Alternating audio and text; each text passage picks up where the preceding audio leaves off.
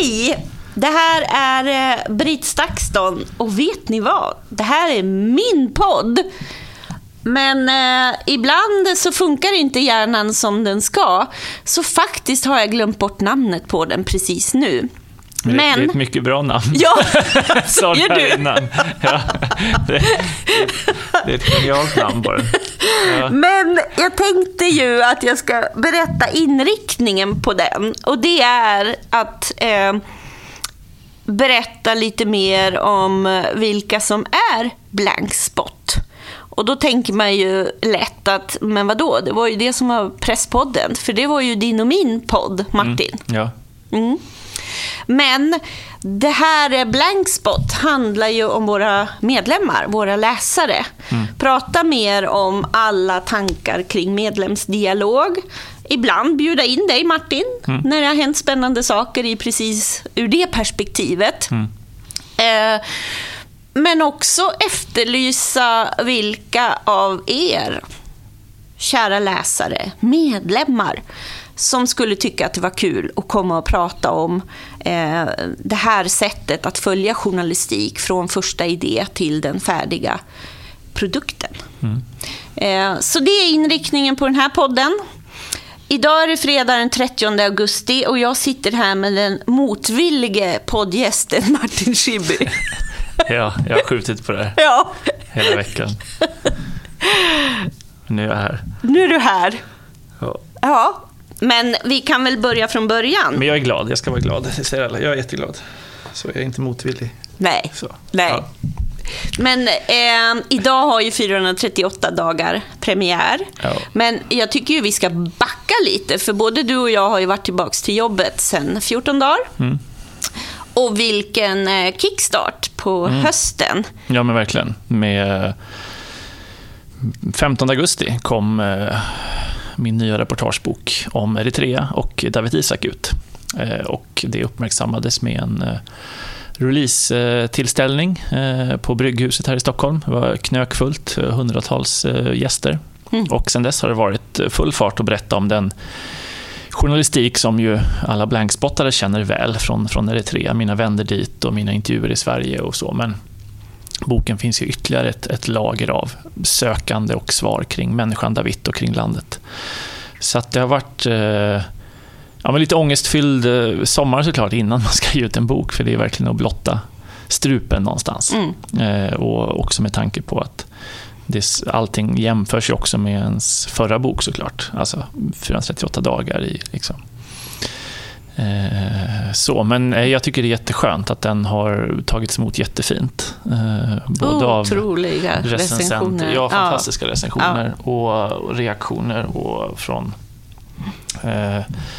och framförallt att någonstans det man ville med den har gått fram. Alltså att folk Något har förstått vem är människan David. Ja. Alltså inte bara symbolen, det här räkneverket som tickar, utan vem var han som människa och vem var han som journalist och som publicist. Och mm. hans ja, men, principiella hållning i det här. Att eh, varför han blev journalist, att han återvände till Eritrea trots riskerna, att han såg det andra såg men ville att landet skulle ha mer journalistik. Och, och de turerna som han har liksom skildrat i boken. Men sen mm. också mer kunskap om, om Eritrea som land. Och, någonting jag försökt säga i intervjuer som ingen riktigt har plockat upp har ju varit det här med att journalistikens roll är ju kanske mer än någonsin nu att så komplicera saker att komma bort från det svartvita, komma bort från eh, det enkla utan, ja, men, jaha, tänker de så? Eh, kan det vara på det här sättet? Alltså, röra, röra till saker. Och eh, Det tycker jag att jag har liksom lyckats med i boken och en del har ju, har ju verkligen plockat upp det. Eh, men det är något som jag känner man kan jobba mycket mer med framöver också. Det här att inte göra den här förutsägbara journalistiken utan som det mycket handlar om i Eritrea-boken, att förstå den andra sidan, förstå hur de tänker, hur de resonerar. Människorna som har nycklarna till David Isaac Sell, hur tänker de? Hur, hur, hur ser de på framtiden? Och försöka ge svar på de frågorna. Mm. Och för mig har det ju varit väldigt, väldigt eh, spännande att se eh, och stort att se reaktionerna runt boken. Eh, det får en ju också verkligen att eh, igen se eh, lite underligt också med tanke på att man eh, eh, jobbar med reportagesajt som publicerar fantastiska saker väldigt regelbundet med mm, bokens mm. kraft och vad det mm. gjorde med berättelsen om David att få det eh, så här samlat. Och där är ju, kan man ju berätta för våra lyssnare om att eh, jag har ju jobbat med David-frågan eh, innan du och jag började mm, jobba mm. tillsammans. Mm. Och då eh, som aktivist och mm. koordinator för många av de här externa medieaktiviteterna jobbat med den här mediekampanjen som ju drivs med numera väldigt stort engagemang av åtta organisationer. Mm. I, I boken och även i samtal med Esaias, Davids bror så framkom det ju att det tog ju ett tag innan det här hände. Men nu finns det ju många aktörer som eh, försöker fortsätta driva uppmärksamhet kring fallet och, och mm. att eh, medverka till att eh, eh, David kan bli fri. Och, och i det arbetet så eh, har det ju varit intressant eh, hur vi har behövt jag är ju aktivist i det fallet och följer jag med på ett möte till Margot Wallström som det här nätverket deltar så är det någonting som du och jag inte pratar om och på samma sätt när du har jobbat journalistiskt. Mm eh, kring eh, Eritrea och frågorna som säkerligen delar av det som har varit känsligt så har ju du inte pratat med mig Nej. om det för att särskilja mm. de här rollerna. Mm, mm. Eh, men, och det har ju varit intressant i efterarbetet att det fortfarande är ganska svårt mm. för folk att skilja på de här rollerna. Jo, men så att eh. man tror att alla ska göra exakt samma ja. sak, att det finns liksom något universal lösning. Om alla bara gör så här så kommer allting ordna sig istället ja. för att se att styrkan är att vi är olika journalistens uppgift är att vara jobbig och ställa jobbiga frågor även till uh, the good guys, så att säga. Ja. Uh, och uh, ja, men komplicera saker och, och, försöka förstå och komma vidare. Aktivistens uppgift är ju en annan, det är att dundra på trumman, liksom, få mm. upp det här på politiska dagordningen och se till att fallet inte faller i glömska. Och diplomatins och politikens uppgift är ytterligare en tredje, att någonstans ha relationer även med stater som befinner sig ganska långt från liksom, vår egen syn på rättsstat och demokrati och så. Alltså att det är någonstans ja, att vi har olika roller i det här. Och det är ja. så konstigt om man avkräver att man tycker att journalister är för lite aktivister, att man tycker att politiker borde vara aktivister. Alltså det är, och det kan väl förhoppningsvis boken bidra till också, att man renodlar de här rollerna och förstår varandras och olika roller. Det tycker jag verkligen. Och det är mm. dessutom så att det boken också gör, det är att den också tar in en annan bred grupp, som, och det är ju en fråga som du har varit på så många gånger också, om vad, vad kan civilsamhället göra? Mm, mm. Eh, och att, att det skapar eh, en, en, en lust för de som har läst boken att, att själv fundera på hur man fortsatt kan bidra till att hålla eh, upp uppmärksamheten vid liv. Eh, och eh, vi vet ju att det, det är väl en av de första turistresorna på på mm, gång mm. här nu från Sverige till mm. exempel. Ja, men verkligen. Ja. Och eh, det finns ett översättningsprojekt jag fick höra talas om nyligen också, där man översätter barnlitteratur. Det är på gång i alla fall. Ja. Ja, spännande projekt. Och det, det, finns ju en medfånge som jag intervjuar i boken som berättar om livet i cellen och som var en sån intervju som gav en ja, men en väldigt trygghet i att David Isak är en människa som klarar det här och som beskriver en vardag av liksom kioskinköp och eh, rutiner och, och, hur David sitter och översätter böcker från tigrinska till svenska och vice versa. Och då tänker man, det där kan man ju inspireras av. Det kan vi göra även i friheten, att översätta litteratur mellan våra länder och på så sätt se till att människor kommer närmare människor någonstans, bortom ja. den, den, statliga nivån. Eh, så att förhoppningsvis så sår ju det här frön till, till den typen av tankar och, och diskussioner också. Ja, mm. och något jag inte har hunnit berätta för mm. dig, apropå att jag sitter på eh, flera stolar i den här frågan, ja. det är att jag till eh, David-mailen redan har fått förfrågan från massor av skolor om inte mm. vi mm, kan komma mm. ut och föreläsa mm, om David Isak. Eh, och då känns det ju som att här kan man ju göra ett, ett eh, fint paket med en bok och en lärarhandledning till den och eh, allt möjligt ja, runt det. Apropå eh, ännu större tryck i frågan och efterfrågan, eh, efterfrågan om, om fortsättningen på något sätt. Mm, mm. Ja, men så är det ju. Nu finns ju det här pedagogiskt eh, samlat, berättelsen om hans liv och om landet. Och det är ju en ett avstamp. Ja. Sen tycker jag, alltså det är ju, det har ju varit det är ju mm, så här, grundstoryn, mm, tanken över att ja, här kommer väl inget nytt. Eh, är någon kommentar som man har fått någon gång. Det var väl Nej, men, leg legendariskt när jag var i i Studio 1 och första frågan är så här, det är dagen efter releasen, boken har precis kommit ut. Liksom. Och jag så här, vad har hänt sedan boken kom ut? Och man bara, ja, solen gick ner och upp, eller var ska man, var ska man börja? Så det finns ju en eh, Eh, ja, alltså många som intervjuar den har inte hunnit läsa den heller än. Men, men det finns, eh, och det är väl det som att man har behandlat de här 18 åren ganska slentrianmässigt. Och ja, men alltså grundstoryn, vi vet att han fängslades ja. för 18 år sedan och han sitter fängslad fortfarande. Ja, men de men det man meningarna får rymmer ju så oerhört mycket. Exakt. Ja, ja. Och för mig, och då som verkligen har jobbat med den här frågan så länge och haft förmånen att träffa många ur familjen och eh, de har deltagit i manifestationer och sett möten mellan familjen och Desmond Tutu på bokmässan. Mm. Mm. Och, och, och har ändå hört och sett och läst in mig på fallet så fick man ju allt ihopsytt och så mycket mer mm, också. Mm, mm, så att jag eh, själv känner ju att det här betyder ju otroligt mycket för alla som är engagerade i den här frågan också. Mm. Att eh, börja tänka på kreativa nya sätt också och jobba vidare. Eh, och det är ju helt fantastiskt. Sen ur ett blankspot-perspektiv så är det ju eh, väldigt eh, roligt att eh, se det här perspektivet som du inledde med, att försöka förklara mer av journalistikens roll. Och det blir mm. så mm.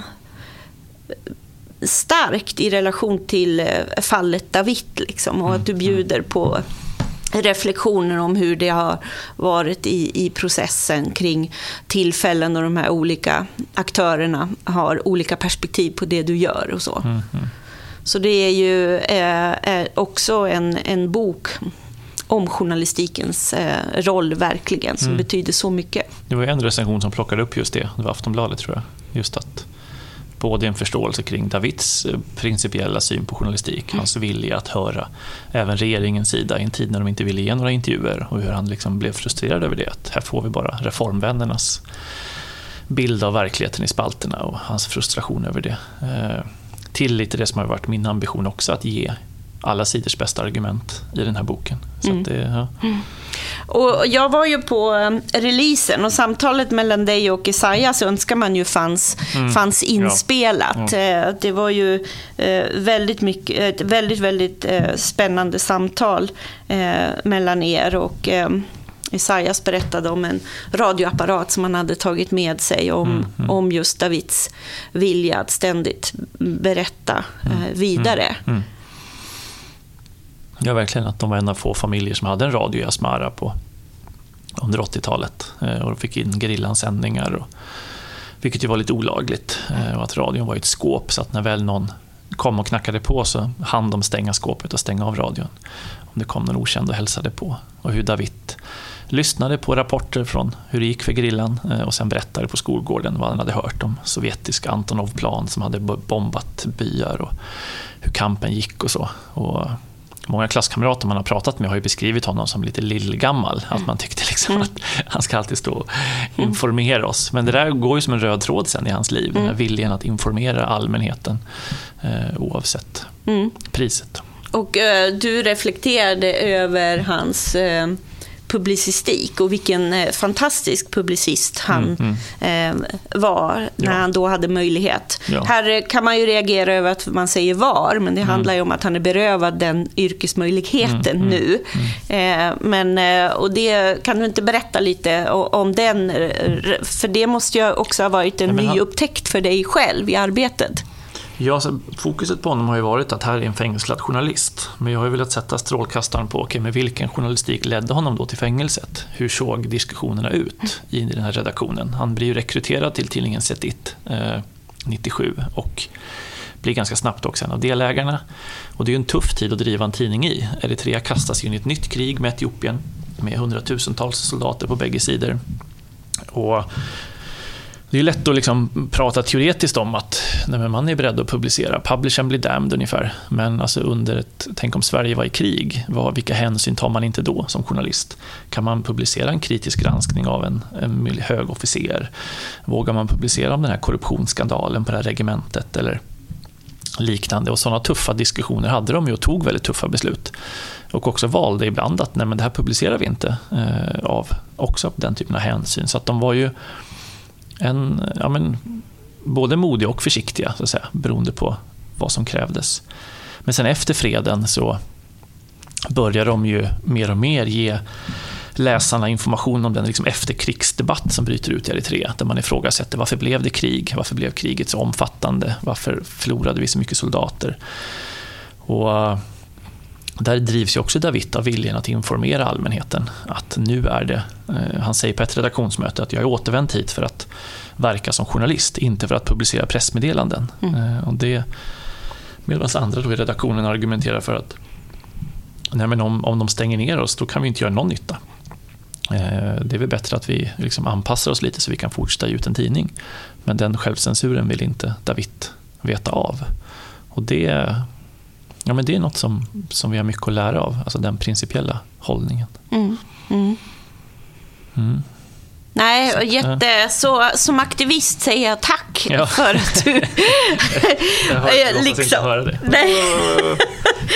men alltså, nej men, ja. Eh, att, att få det här mm. Eh, samlat eh, på det här sättet eh, är otroligt. Eh, och sen eh, har det ju varit väldigt roligt att se fortsättningen på de två mm, reportage mm. som du har gjort mm, mm. med Blankspot mm. i Eritrea. Så det här är ju som ett, liksom en fortsatt berättelse och mer runt allt det här.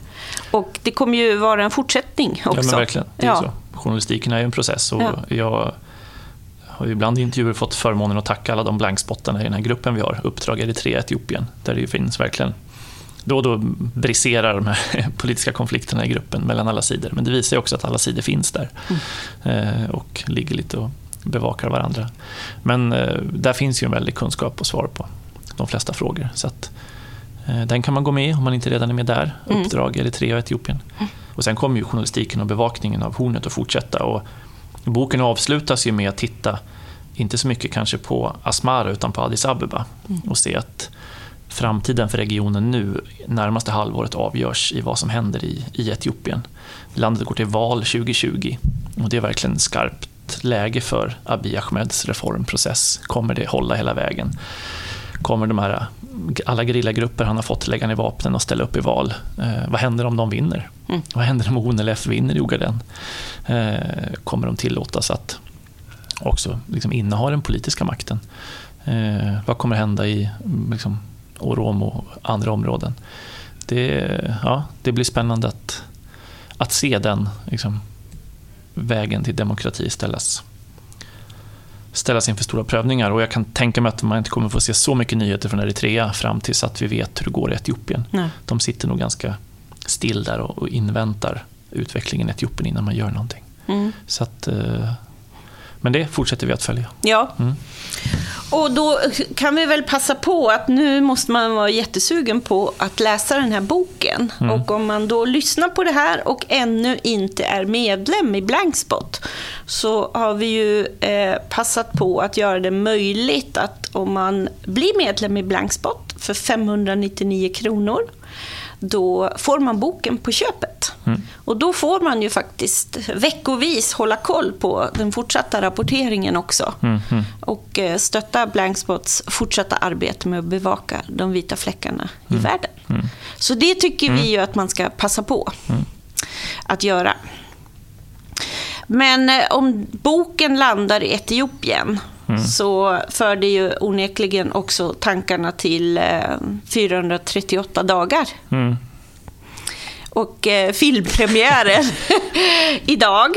Eh, och eh, eh, dina reflektioner om att eh, blanda fiktion och verklighet helt enkelt? Alltså det svåra de sista månaderna, eller veckorna har ju varit att, jag menar, man kommer med en bok om Eritrea som man har slitit om och man har gjort liksom väldigt mycket intervjuer kring den. Eh, men också i alla de intervjuerna så har man ju fått en massa frågor om filmen. Mm. Och det har ju känts eh, Ja, men det har känts jobbigt ärligt, för att dels här är en människa som suttit i fängelse 18 år och som jag ägnat liksom, över ett år att, att skriva en bok om. Kan vi prata om det? Liksom? Kan vi prata om det landet? men att ja. Det har funnits ett sånt sug att prata om liksom, det här som hände 2011-2012 på något sätt, som att det var igår. Eh, alltså, ja, det har väl skapat lite vad man säga, dissonans i ens eget huvud någonstans. Att det känns som att man, men herregud, liksom, 6500 dagar mot 400 dagar, hur kan det ens liksom... Eh, kan vi, kan vi prata om det här nu? Samtidigt men som jag någonstans förstår ju att, att när man har chansen och, eller sitter ner och träffar mig, att man också ställer den frågan. Men det har känts som en... Ah, den har liksom trängt sig på lite grann, det där att man ska tycka saker om, om filmen. Och så är det väl så i grunden att jag har ju det är klart jag tycker saker om, eh, om hur de har gjort filmen och hur det blev. Jag tycker väl massa saker om det. Men, men, eh, men tror du att det handlar ja. om att man, konstigt nog, tror att det är din film på något sätt? Jo, men så tror jag. Jag får ju många här, grattis till filmen och ja, det Men, ja, grattis till din film, ja, hörde typ jag häromdagen. Ja, precis, ja. och så. Eh. Men kan du inte reda ut hur mycket involverad har du varit i processen? För det är ju inte så att det har varit eh, ett så stort... En, det är ju inget som du har varit involverad i på det sättet. Alltså som det funkar är att man, man skriver en bok, sen säljer man liksom rättigheterna.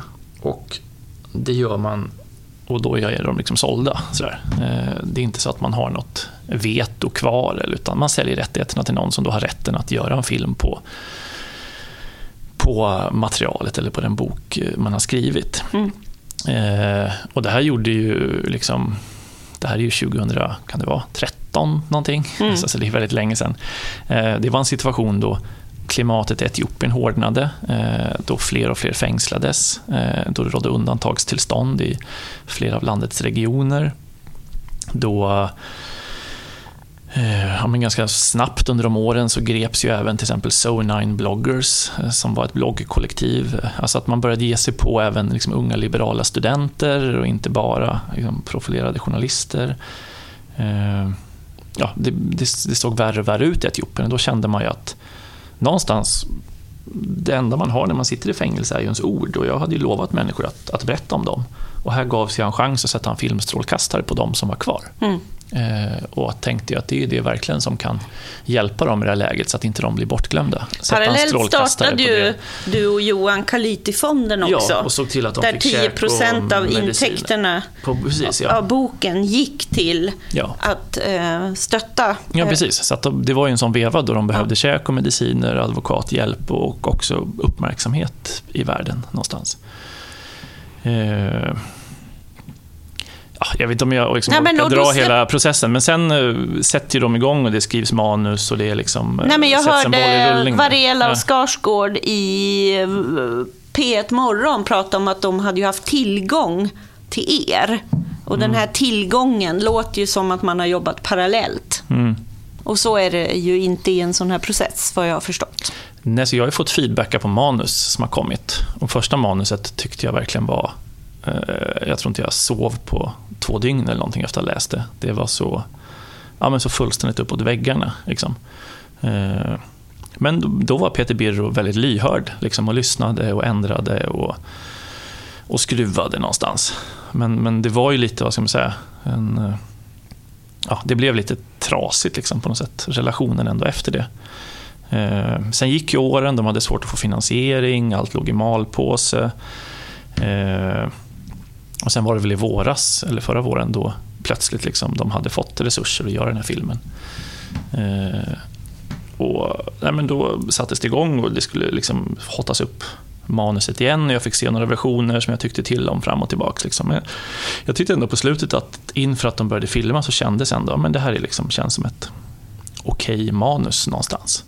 Så, eh, men då valde ja. du väl väldigt tydligt också att distansera dig för att låta den där konstnärliga friheten ta sina vägar? Ja, men till slut så ger man ju också lite upp. Alltså man kan ju tjafsa om att snälla, jag vill ha med det här. Jag vill ha med det till slut. Så man blir som nermald också efter, efter ett antal år.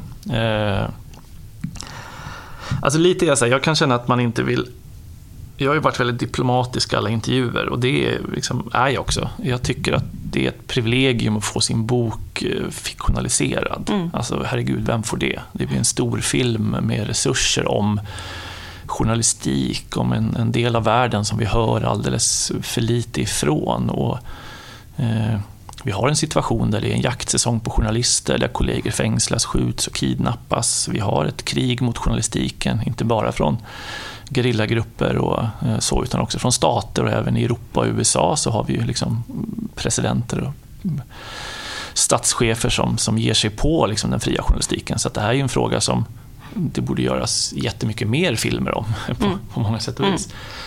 Mm. Och människor har också lagt, men herregud, år av sina liv på att berätta den här historien eller berätta det man har varit med om. Så det och film är något annat också. Film är inte mitt medium. Alltså jag jobbar ju med liksom, journalistik mm. någonstans. Det är, inte, eh, det, är inte, det, är inte mitt, eh, det är inte mitt medium. Men, eh, nej men konkret, jag träffade Gustav en gång en eftermiddag. Jag har aldrig träffat Mattias.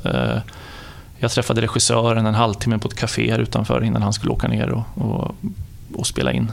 Och jag trodde väl att det var så det funkade ungefär. Men eh, jag kan väl tänka mig om man själv skriver ett porträtt på någon så spenderar man ju mer tid med personen. så, så är det ju, men jag vet inte, film, man kanske inte behöver mer. Sen kanske inte det är det lättaste heller att liksom, man är, alltså någonstans i det här saker som ligger ganska lång tid tillbaks.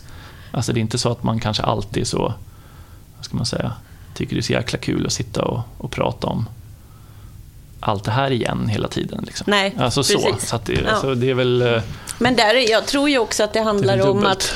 Men jag, äh, jag tänkte väl att äh, när man har sett andra liksom, filmer som handlar om anhöriga så märker man ju framförallt i USA så verkar de anhöriga om jag säger, bjudas in till inspelningen och vara med och att jag kan tänka att när om man jämför med hur Riksteatern hanterade Eh, när vi smugglade ut texter från Kalite-fängelset och Riksteatern gjorde en föreställning av dem och gav dem liksom kött och yttrandefriheten tillbaks.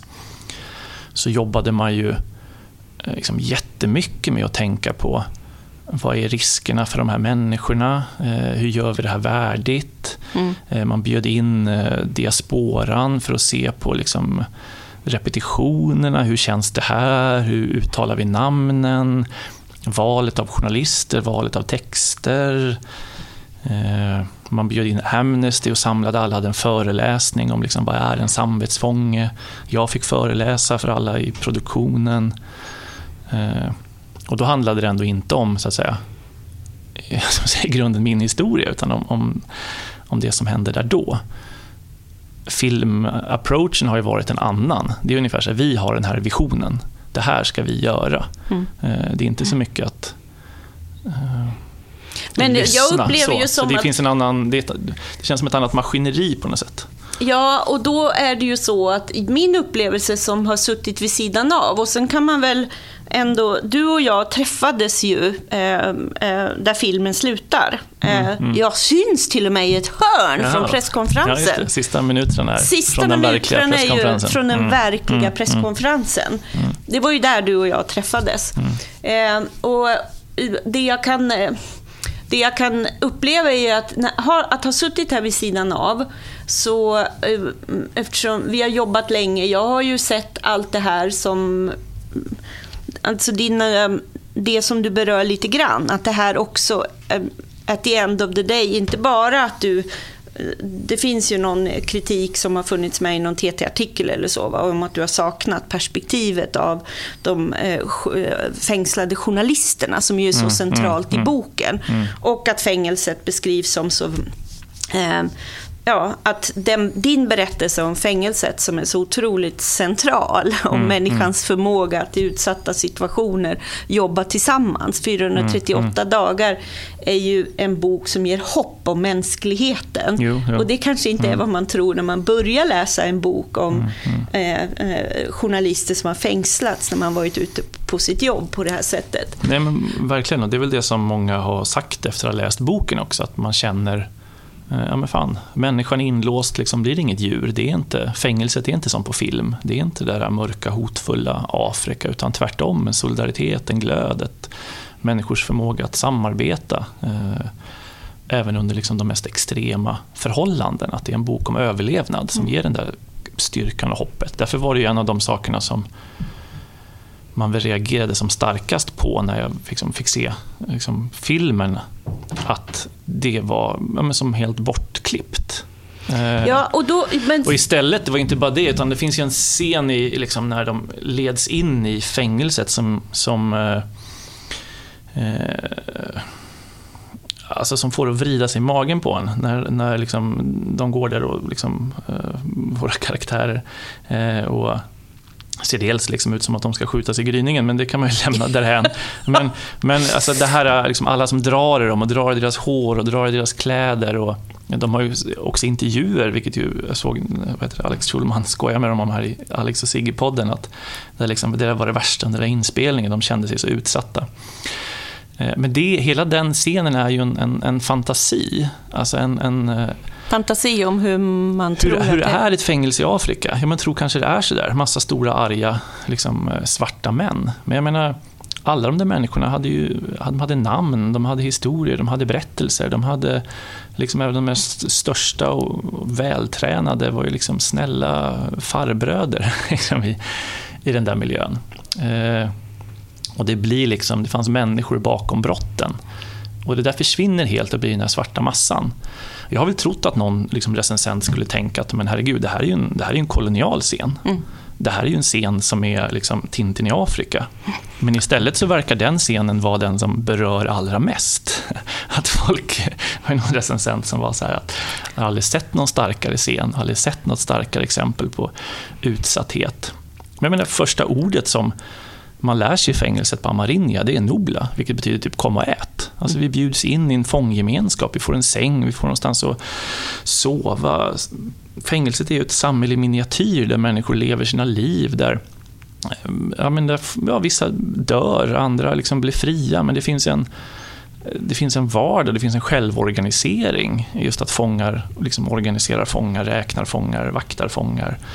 Eh, och en dubbelhet i det där som, som man ju verkligen lagt tid på att försöka skildra i boken.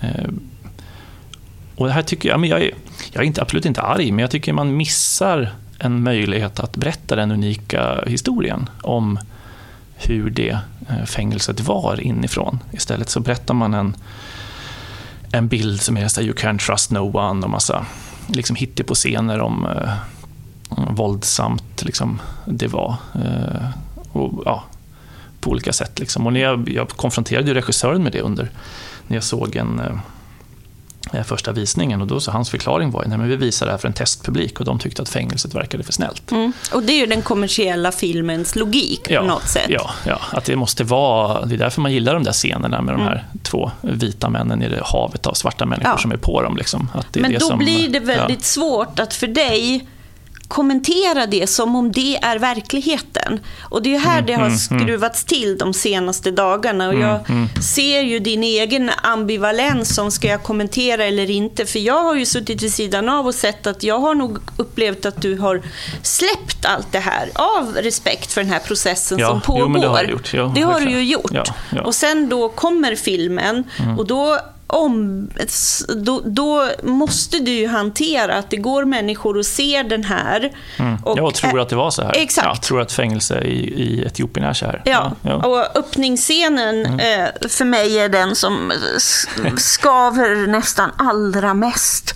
För det är ju Tintin.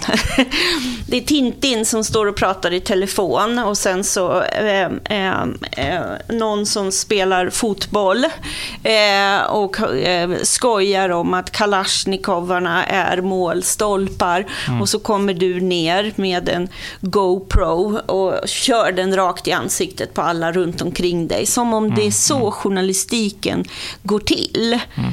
Nej, jag, eh. tycker den, jag, jag, håller med dig. Det är en lång uppförsbacke sen att återupprätta något form av förtroende när man har infört, presenterat karaktärerna på det sättet. Uh, nej, verkligen. Det är ju... Uh, ja, nej, det, är en, det är en väldigt konstig start. Det är dessutom scener som varken hände eller som, som finns i boken. Eh, alltså den, eh, den gestaltningen, eller den, det finns, allt där är ju liksom på med ett Rapporten. samtalen hem eller vad ska man säga. nej, det är, det är, det är konstigt, men eh, det är, det är val de har gjort. Liksom. Så här vill de gestalta oss. De vill liksom, gestalta oss på det sättet. Det som blir ytterligare konstigt är ju att, jag menar, det här var ju 2011, ja, jag hade med en GoPro, ja, jag gjorde en videodagbok, absolut. Eh, men det var ju inte den journalistiska slutprodukten, det var ju ett skrivet reportage. Men i vår tid, 2019, så framstår det ju som att det här är en livesändning på Facebook ungefär som pågår. Ja, att du sitter och skapar massa content. Ja, och det, det vrider ju till den där äh, scenen och tycker jag är ja, men lite en, en, en, kränkning av det journalistiska hantverket i fält, som ju är något, något helt annat.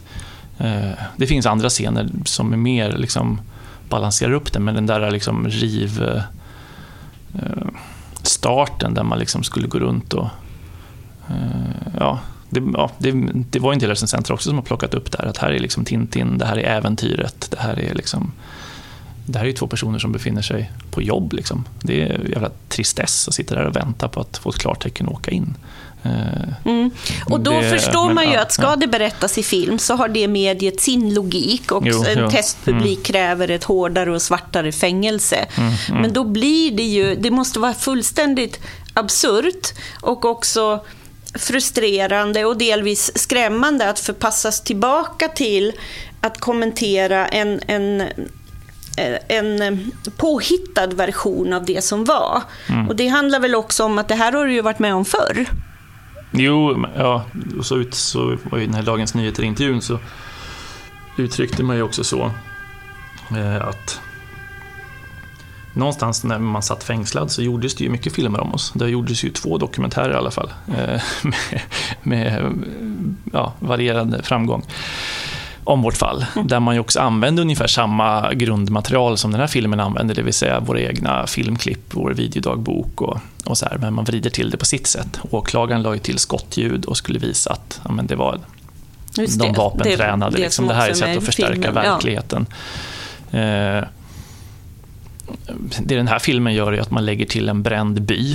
Eh, efter vi har kommit in så ganska snabbt så ser vi en bränd by. Eh, och det, det förändrar ju hela ekvationen. Alltså i, i, verkligheten så ser vi ju sand och sen så blir vi skjutna. Och, eh, det var en recensent som också sa, men hur kan Bildt ha kommit undan när det var sådana här grova liksom, övergrepp som begicks mot civilbefolkningen? Han satt i bolagets styrelse. Ja, men alltså, vi, vi såg ingen bränd by i verkligheten. Det här blir så konstig...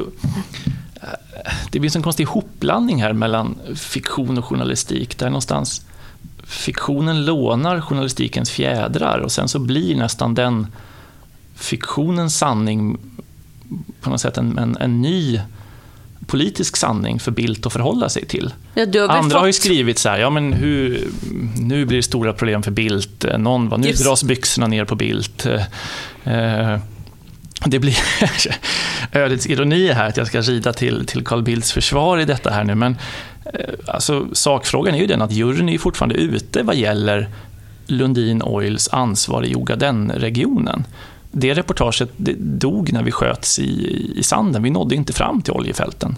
Mm. Det blev en annan berättelse om bläck, om pressfrihet, om, om, om, eh, om, om den tiden i fångenskap. Men alltså, vi hittade ingen bränd by som det här bolaget var ansvarig för att ha bränt ner eller sett till att den etiopiska armén brändes ner.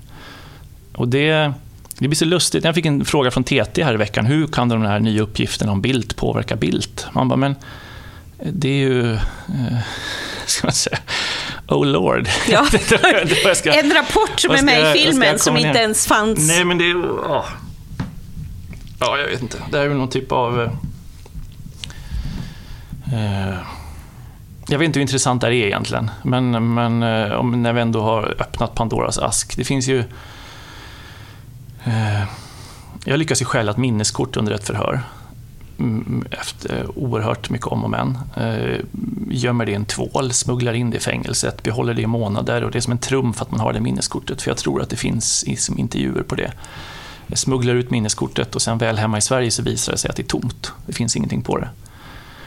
Och det, det är såklart pinsamt att ha stulit fel minneskort. Men det gjorde ju inte så mycket, för att bara ha det där kortet i fängelset var ju så viktigt. Och det är ju en, en, en stor poäng som jag också gör i 438 dagar, att det är liksom de här små mentala segrarna, att äntligen ha vunnit någonting, äntligen ha någonting som de andra inte har, som är så viktigt. I filmen nu så har man ju lagt in att det här minneskortet innehåller en rapport som kopplar Bildt till det här bolaget.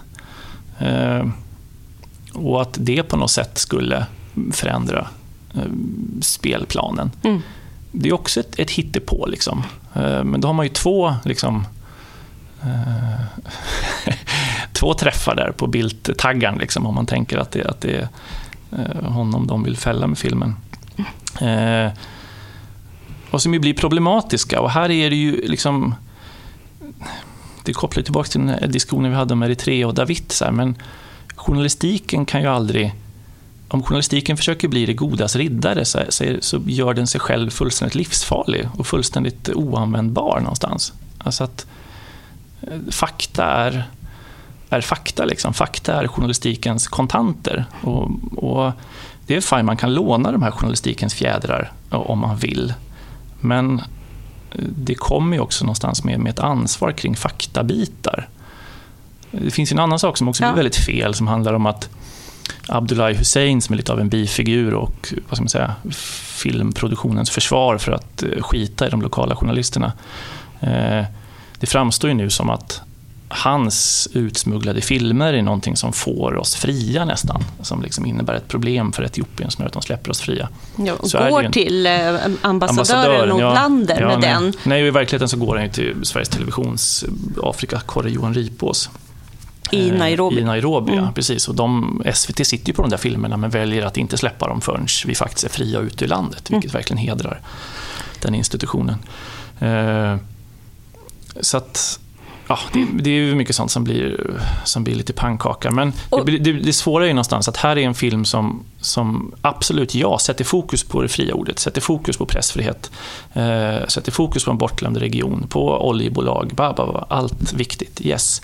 Men gör det genom att samtidigt systematiskt tysta alla lokala journalister som betalar liksom ett jättehögt pris för att vi ska få reda på vad som händer i Etiopien. Mm. De försvinner ur handlingen, de finns inte. Mm. Eh, och det är ju ett konstnärligt val man har tagit. Man har tystat alla lokala journalister för att sätta ljuset på eh, liksom, mig och Johan. Och fine, man, man får, jag respekterar att de gör det valet. Mm. Men jag måste ju också eh, någonstans eh, vara ärlig med hur jag känner inför det det var ju min stora skräck och det har jag sagt till alla och alla har varit så nej, nej, det kommer vi aldrig göra. Vi kommer ha fokus på journalisterna. Och det har ju också spelats in scener där vi smugglar lappar till Riota Lemo och hon berättar varför hon blev journalist och hon berättar om eh, eh, ja, vikten av att vara journalist. Att de kan liksom boja en och kedja en men aldrig ta ifrån en liksom, rätten att bestämma sig för vad man är. Den här, mm. Hon ger ju en hela överlevnadspaketet någonstans. Att att tänka att man wallraffar, att man är på jobb och så. Och tar man bort henne ur handlingen så tar man också bort den, eh, den pusselbiten i att förstå hur man klarade de här dagarna. Man tar bort Wubshetai, man tar bort Eskindenegga, man tar bort alla de liksom modiga politiska fångar, samvetsfångar som satt i det här fängelset. Och den systematik som fanns i, ja, i att tysta. Ja, men verkligen. Ja. verkligen. Det blir eh, småtjuvar och kriminella och liksom halvfarliga eh, personerna. Jag menar, det var ju ett universitet i det där fängelset. Det satt ju landets intelligentsia, det satt ju liksom politiker, det satt ju eh, i princip eh, ja, men, gamla bankchefer, det satt ju höga tjänstemän, poeter, författare.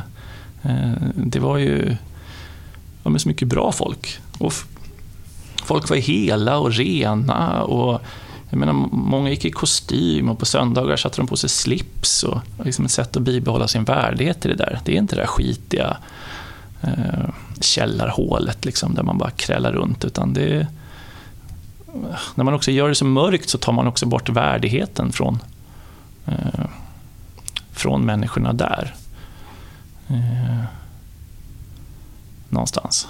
Men det eller också är det så, man ska bara tugga i sig det här för att det är bra att eh, det är bra att det görs. Men, att svensk men... film gör film om omvärlden eller att, oh, att svensk film kan flyga drönare eller att svensk film det är också Men kan vi inte se det... med hur man, att film recenseras utifrån, och det är ju fantastiskt foto, herregud, det är ju skitsnyggt gjort allting, det är mm. inte det det handlar om. Liksom. Det är klart att, men det känns som att alla är så förvånade över att man har kunnat göra en snygg film, så att alla är så lättade över det någonstans, och man skiter lite i eh, hur, man har, hur den här historien förhåller sig till till, till verkligheten. Det känns som mm. alla är så lättade att det inte liksom är en eh, kalkon. Ja, ja. är men men är det inte så att det du just har skissat på är ett helt ja. otroligt uh, upplägg för att uh, det här passar ju perfekt in i vårt skolprojekt.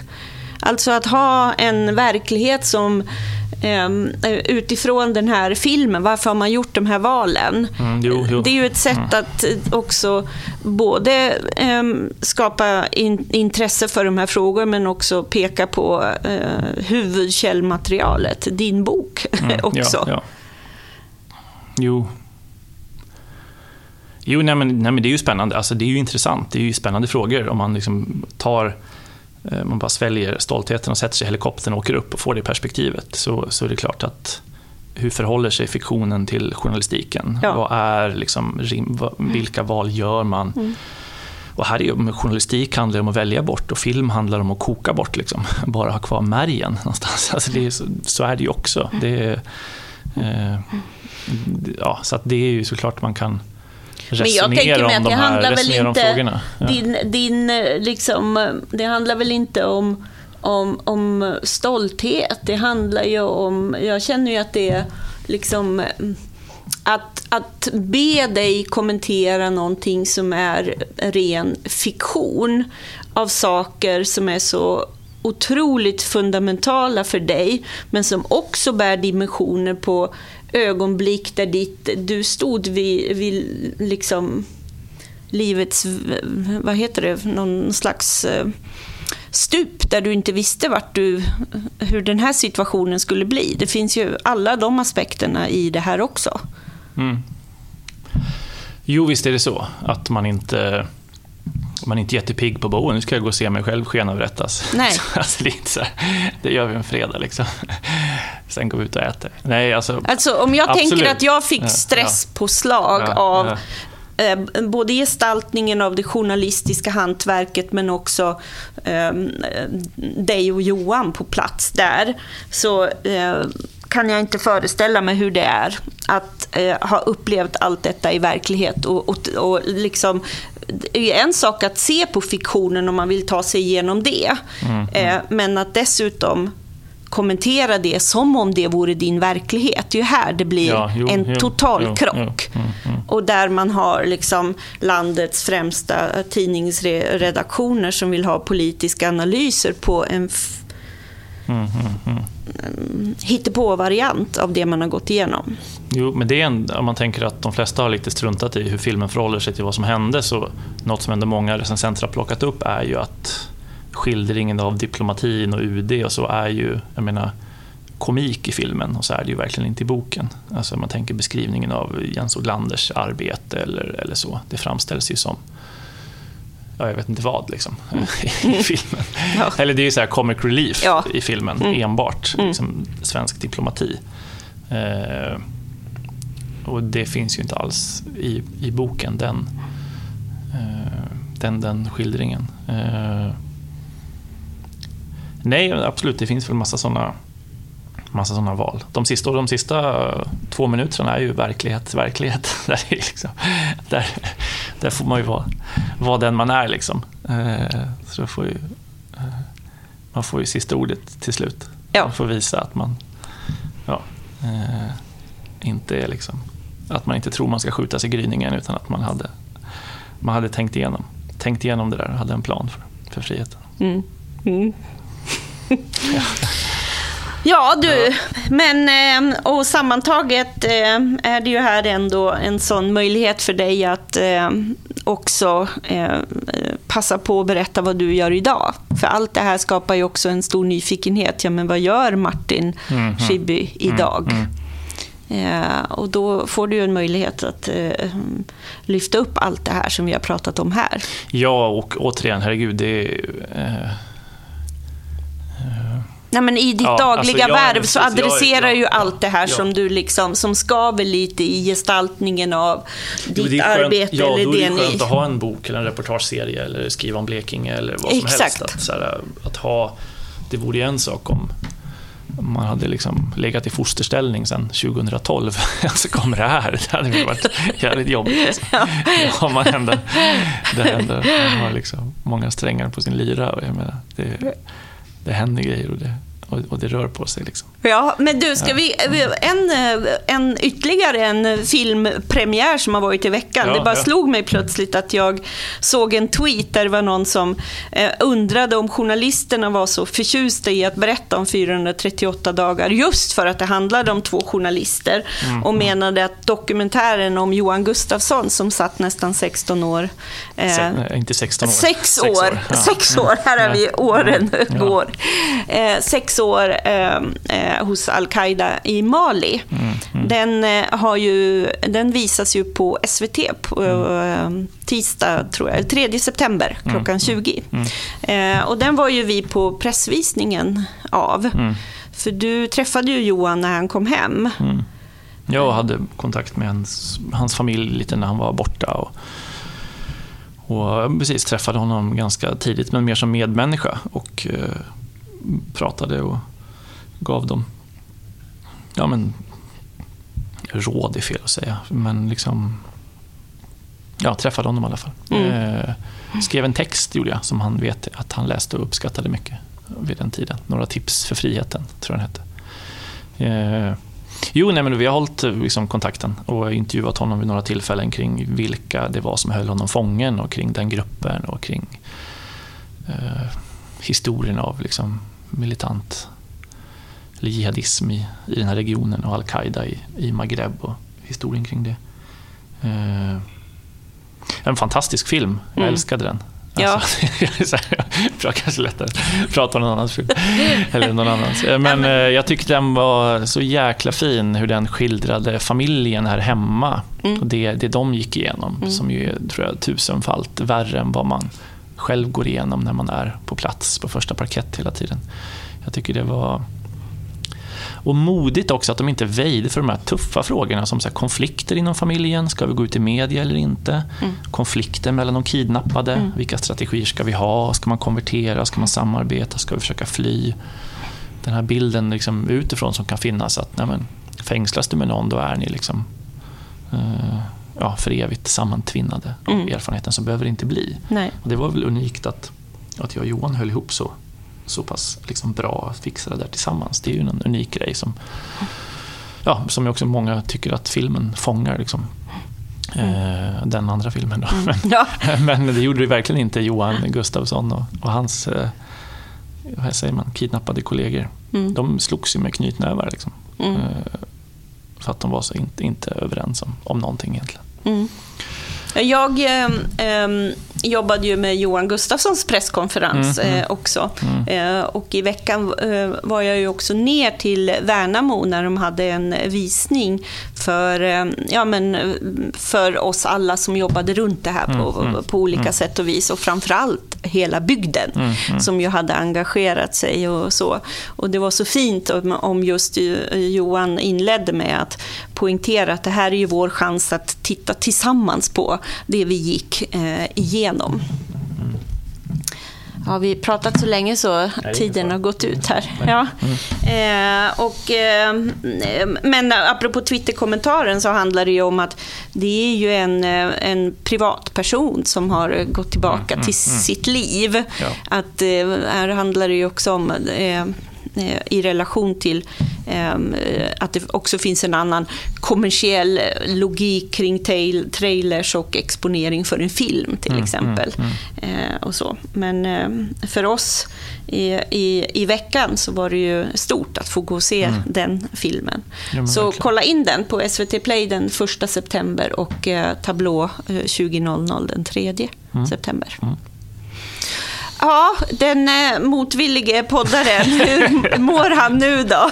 Nej, jag får ju sätta mig och skriva en text om det här. Ja, det är klart att du ska göra. Ja, det, det är väl det jag ska göra. Men, det är det eh, du ska göra. Ja, ta, ta lite höjd. Ja. Vad är helikopter? Men, ja, men, men både och. Ja, alltså, det är jo, klart ja. att, för det, det blir ju problematiskt, för det är ju på den nivån som du blir uppringd och ska kommentera det här som om eh, eh politiken och det skeendet är mm, superaktuellt. Mm, mm, men du måste ju bjuda på båda nivåerna för att det blir väldigt naturligt att hålla sig distanserad till en... Mm. Eh, vad heter det? En eh, konstnärliga val runt mm, ja, nej, men, ja. Eh, jag, får se var, jag får se var det landar. Ja. Men jag, har ju, jag har ju skrivit en text om dagen den här veckan som jag inte har publicerat så jag kanske ska skriva en text. Man ska publicera också. Någonstans har det varit så här, att man bara, ja. Ja, får ur sig saker på morgonen. Eh, men det här ja. var... Eh, Vad en trevlig en... podd du har, Britt. Ja. du är välkommen tillbaka. ja. du... Nästa film görs av mig. Ja, det är nästa terapibehov. nästa terapibehov. Det är bara att komma. Poddörren är vad heter, öppen. Vad heter din podd nu? Nej, den, det? den Nej. Är, det är fortfarande borta i huvudet. Jag har varit så fokuserad på vårt eh, samtal. Men en eh, bra uppmaning, påminna igen om att eh, höra av er. Och särskilt ni som är Blankspot-medlemmar lyssnar, för det är mm. liksom er podd det här också. Mm. Eh, och sen att fånga upp hur vi journalistiskt försöker jobba med en väldigt nära läsarrelation och kommer lansera lite roliga saker här under mm. hösten också. Mm.